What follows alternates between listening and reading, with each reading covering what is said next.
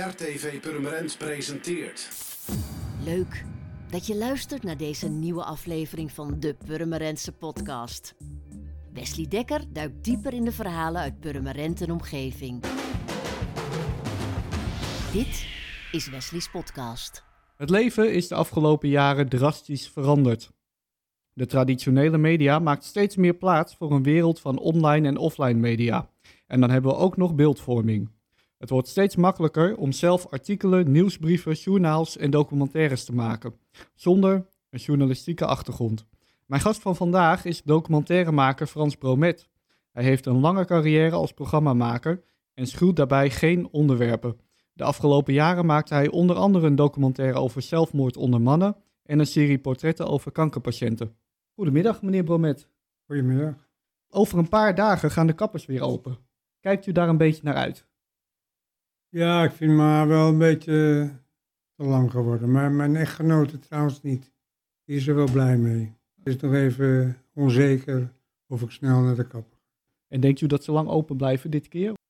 Ja, dat weet ik niet. Uh, uh, ja, ik vind het een uh, behoorlijke chaos. een pijl op te trekken. Nee, wat moet je er eigenlijk van zeggen? Hè? Ook Ja, in ja. Den Haag, ze weten het zelf volgens mij ook allemaal niet. Nee. Ja, ik had het al kort in mijn intro erover. De afgelopen jaren is er heel veel veranderd. Eigenlijk kan iedereen een video maken over wat hij wil. Technisch zo goed mogelijk eruit laten zien. Daar heb je allerlei programma's voor. Maar wat is nou precies het verschil tussen de video die mijn buurman maakt en een documentaire van Frans Bromet? Nou ja, ik heb die video eh, van je buur, buurman eh, nooit gezien. Dus, eh, maar het moet ergens over gaan. Het moet geen gebabbel zijn. eh. in het uiteindelijke product moet eigenlijk geen, geen overbodige seconde zitten. Eh, het moet wat mij betreft ook iets persoonlijks hebben. Iets herkenbaars. Mensen herkenden mij wel eh, vaak aan mijn stem, maar ook aan, manier, aan mijn manier van vragen stellen. Dat is het zo'n beetje. Een goede documentaire is een documentaire die niet te veel overbodigheden heeft en die klopt. Geen overbodigheden Nee. heeft. Dus als en, u een, en, en die klopt, ja. Dus als u een eh, videomateriaal heeft van een bepaalde documentaire serie die u gaat maken, dan duurt het dagen voordat alles echt goed is. Dat er echt helemaal niks overbodig is en dat er een bepaalde verhaallijn in zit. Ja, dat is ook eh, belangrijk, dat er een verhaallijn in zit, ja. En niks overbodigs is. Kan je eigenlijk overal een documentaire over maken? Of zijn er ook onderwerpen die gewoon niet interessant genoeg zijn? Nou, dat, nee, dat, dat, ligt niet aan de onderwerpen. Het ligt echt aan, aan hoe je een onderwerp benadert. En, maar het hoeft niet altijd over sensatie te gaan. Hè. Het kan ook, eh, wat, wat voor de een heel boeiend kan zijn, voor de, kan voor de ander vreselijk saai Mhm. zijn. Er zijn ook documentaires van u, bijvoorbeeld over het leven in de bibliotheek. Dat is eigenlijk iets heel kleins. Ja, Eigenlijk, als je maar een goede documentairemaker bent of je hebt ervaring, dan zou je overal een documentaire over kunnen maken. ja, ja, dat kan je wel zeggen. Ja. Een van uw eerste docus is het eh Drie Landenpunt uit 1974. ja, Uw Joodse vader heeft jaren geen voet meer op Duitse bodem gezet en in de film probeert u hem eh, en verdere familie over te halen om de grens over te steken. Is de familiegeschiedenis van uw vader uit de Tweede Wereldoorlog leidend geweest voor uw carrière en de keuze van onderwerpen? Nou, zo zou ik het niet zeggen. Kijk, je, iedereen die groeit op een bepaalde manier op. En, eh, en je wordt beïnvloed door, eh, door anderen, door, door je ouders ook en, en, en familieleden. Dat neem je allemaal op en dan, eh, ja, dan word je zoals je uiteindelijk wordt. Trouwens, dat, je, dat blijft zich altijd weer ontwikkelen, maar goed. En eh, ja, daar sta je ook verder niet zo heel erg eh, vaak bij stil hoe het komt dat je geworden bent zoals je geworden bent. En dan ga je gewoon vanuit je eigen eh, persoonlijkheid die je ontwikkeld hebt, benader je de werkelijkheid. Heeft het een grote rol gespeeld dat uw vader bijvoorbeeld eh, een aantal familieleden is verloren in de oorlog? Nou, het is, is meer het feit dat eh, er ontzettend veel Joden vermoord zijn in de Tweede Wereldoorlog. Dat, eh, die familieleden van mij die vermoord zijn, die heb ik nooit gekend, want ik ben eh, aan het einde van de oorlog geboren. Dus die mensen heb ik nooit gekend. Dus daar kan ik, ik kan ook niet om ze treuren, omdat ik ze, ja, omdat ik ze leuke mensen vond. Ze zijn voor mij en toch wel een onderdeel van eh, die enorme groep Joden die, eh, ja, die vermoord zijn.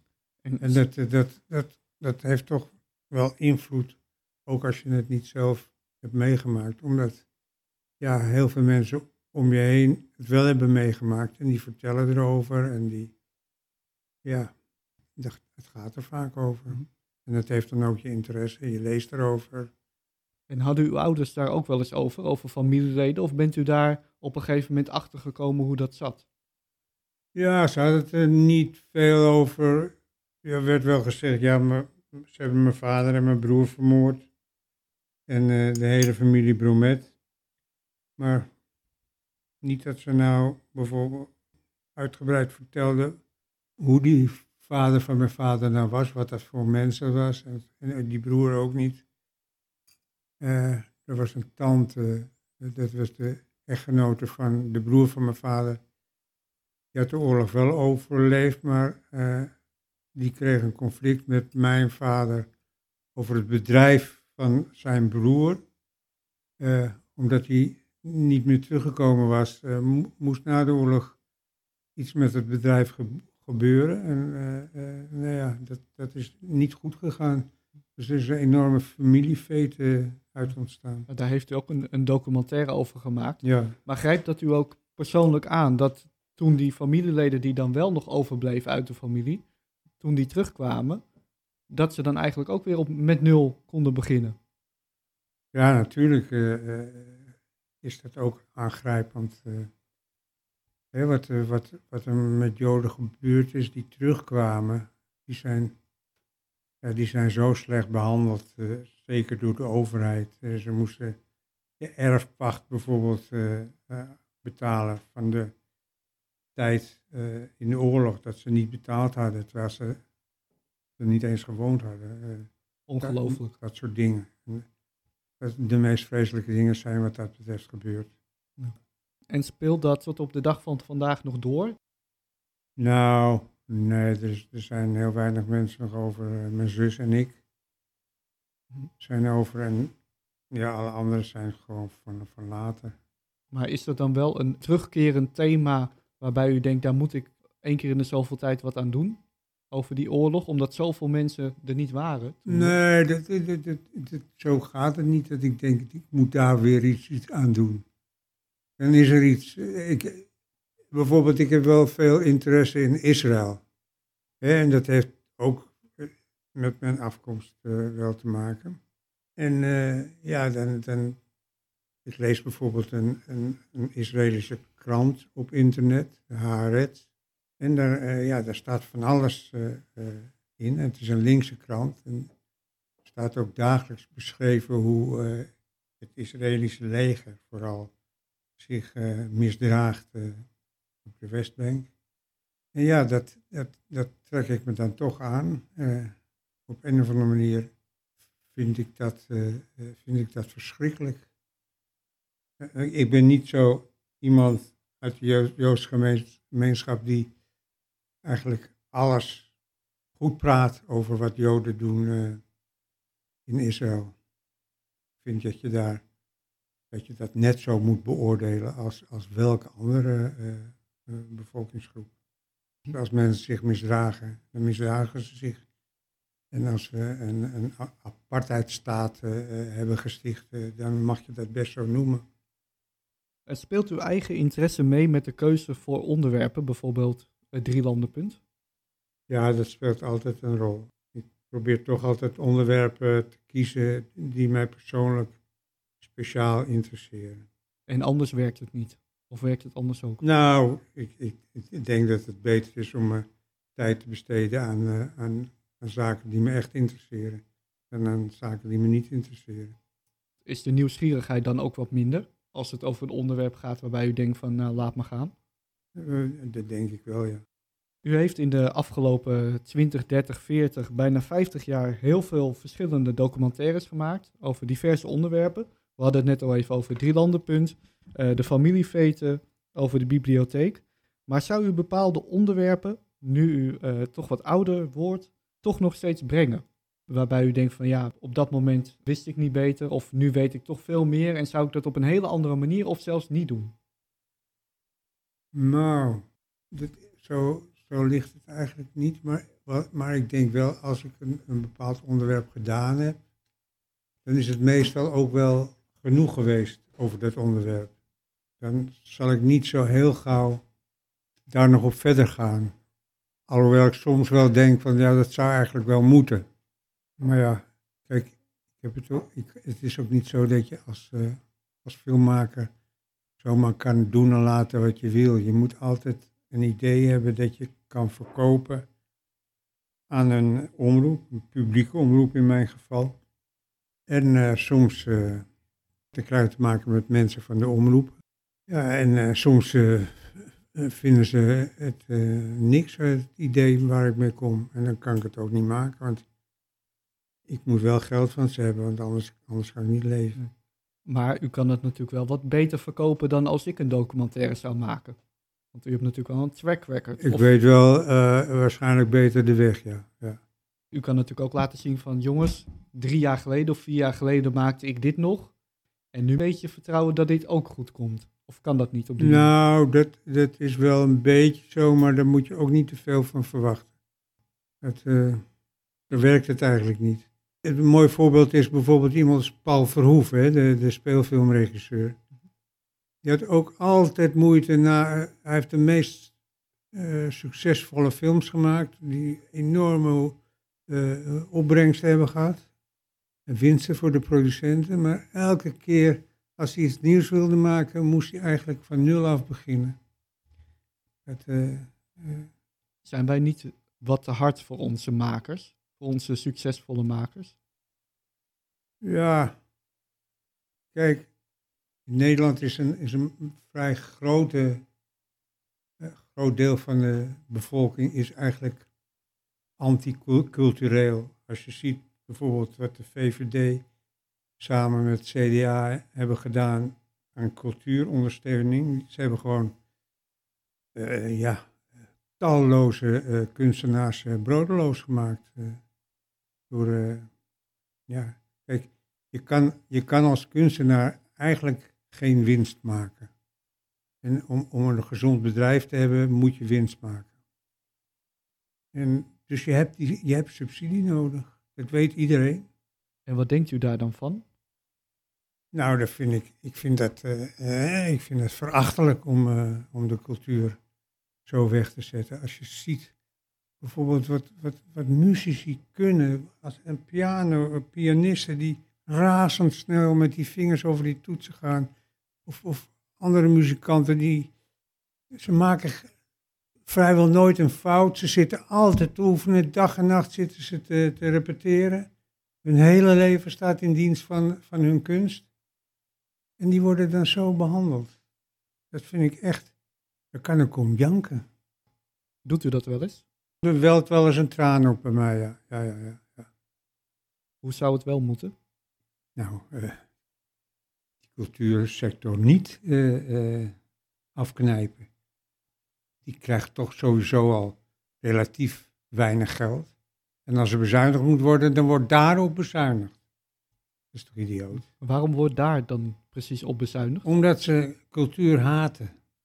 Omdat het eigenwijze mensen zijn die hun eigen pad volgen, die eh, onafhankelijk eh, denken en soms ook eh, boodschappen hebben die ze politiek niet uitkomt. Is dit land wel gemaakt voor mensen die anders denken?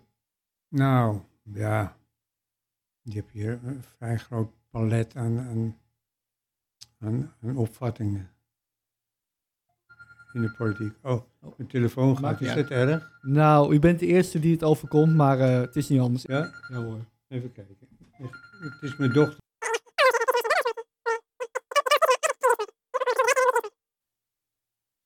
Degene die ik aan het filmen ben, eh zijn telefoon gaat. Dan draai ik gewoon door.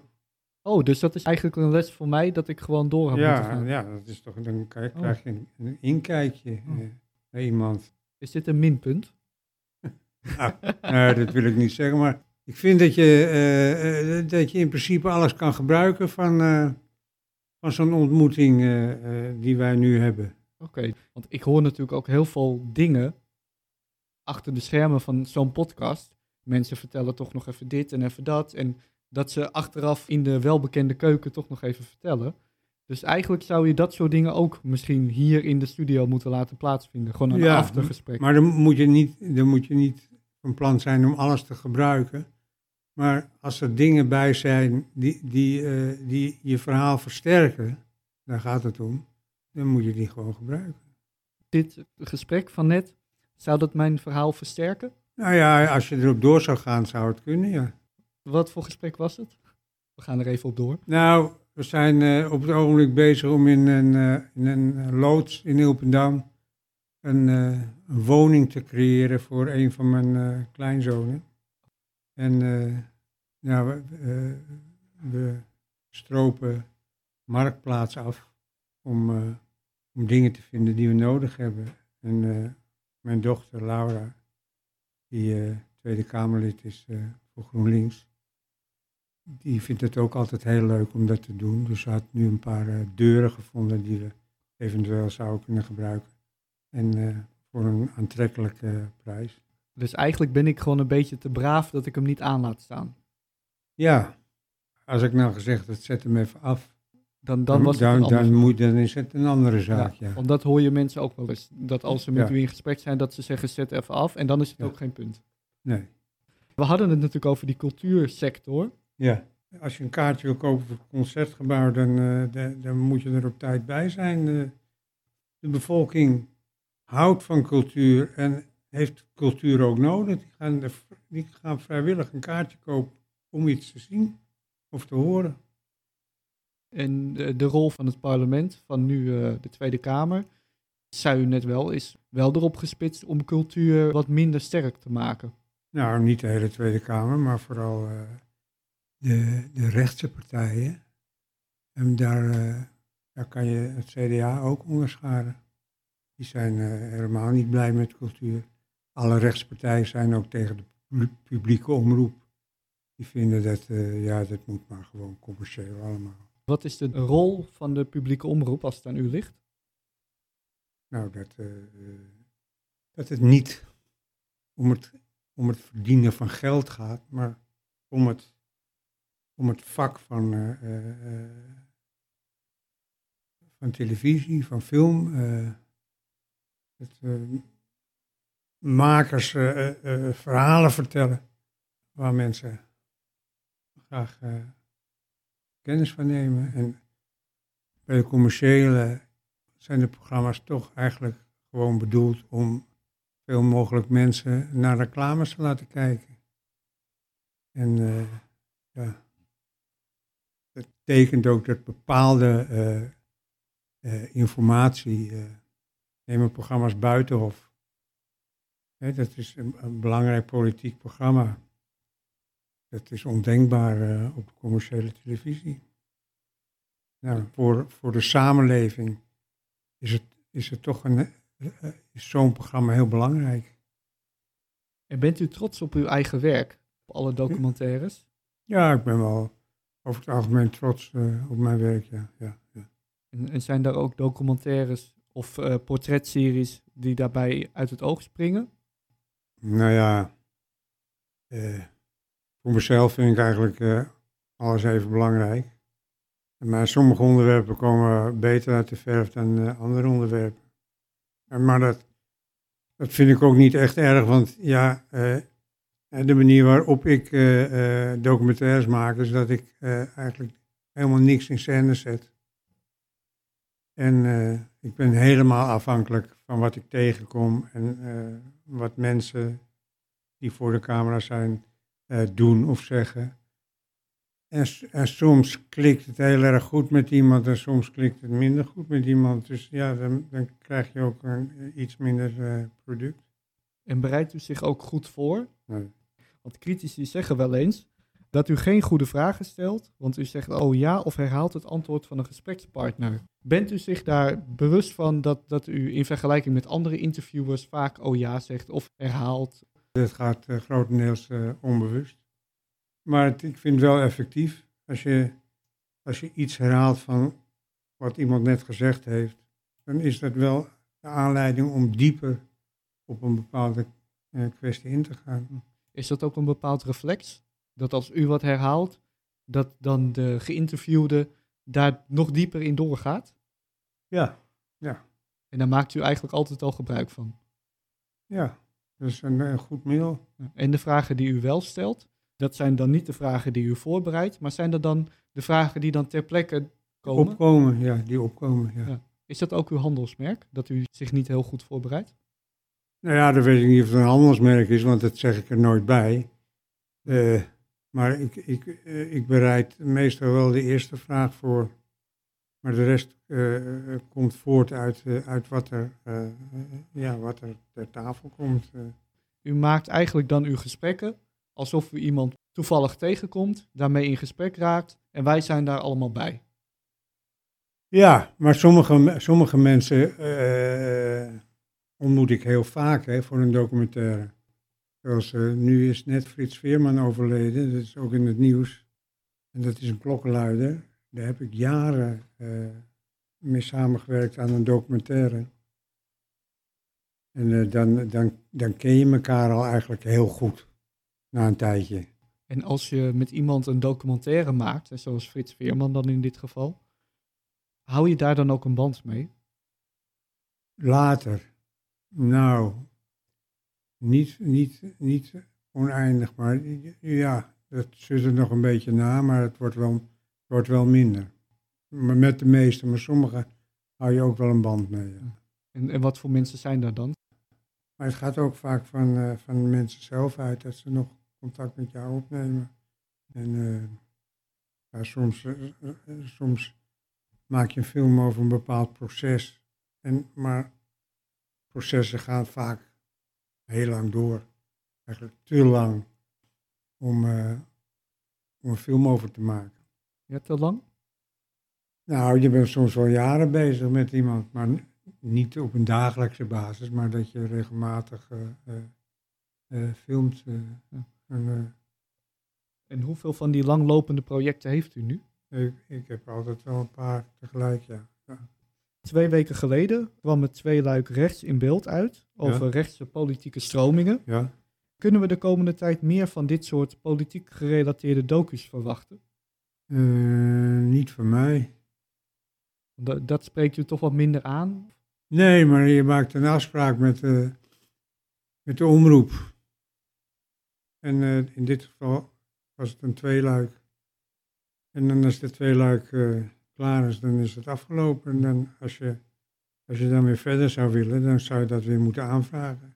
Het is nooit zo dat de netmanager jou opbelt en zegt van, gewoon leuke programma's uh, uh, over, over de rechtspolitiek, kan je er niet nog een paar maken?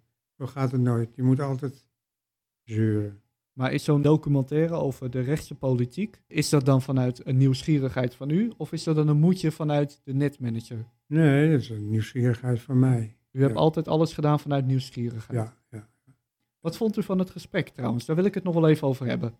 Nou ja, ik, ik vond het gesprek wel, uh, wel aardig lopen. Het was uh, uh, voor mij ook niet al te moeilijk om antwoorden te bedenken. Dat, is, dat, dat, dat realiseer je eigenlijk nooit als interviewer. Dat het voor mensen die geïnterviewd worden vaak moeilijk kan zijn om, om antwoorden te bedenken. Je moet meteen een antwoord bedenken. Dat moet meteen goed zijn. Dat, is, dat is nog niet zo simpel hoor. En gaan daar interviewers vaak nat op? Ja, als je, als je uh, onduidelijke vragen stelt, dan krijg je ook onduidelijke antwoorden. Dus je moet echt, uh, je vragen moeten heel precies zijn. Maar deze konden er mee door, laat het zo Ja, die konden er zeker mee door. Die konden er zeker mee door. Kijk, als ik geen antwoord kan geven, dan geef ik ook geen antwoord. Dan zeg ik niet, ik geef geen antwoord. Dan zeg ik nou, dat, uh, ja, dat vind ik niet zo. Ik vind het eigenlijk meer zo. Goed. Het is ook belangrijk, dat, dat is ook wel, het zit ook wel goed in het gesprek, dat je als, als interviewer niet je eigen mening de hele tijd etaleert. Dat is heel irritant. Dat zie je heel vaak op televisie. Dus tegenover me zit een tevreden Frans Bromet. Ja. En hoe lang gaat u nog door met de documentaires? Weet jij hoe lang je nog doorgaat? Nou, in ieder geval vandaag nog. En dan hopen dat het morgen weer een dag is, toch?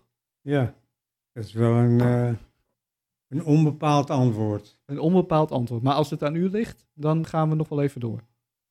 Ja, ik vind het, ik vind het een, een heel mooi vak eh, wat ik heb. Dus eh Het zolang ik lichamelijk in staat ben om dat te doen en geestelijk in staat ben, dan doe ik het. Meneer Broodmet, bedankt voor uw bijdrage aan deze podcast. Oké, graag gedaan. Dit is eh, nummer 56. Volgende keer weer een nieuw onderwerp in de podcast die dieper in lokale verhalen duikt. En dan gaan we nu naar de bekende keuken.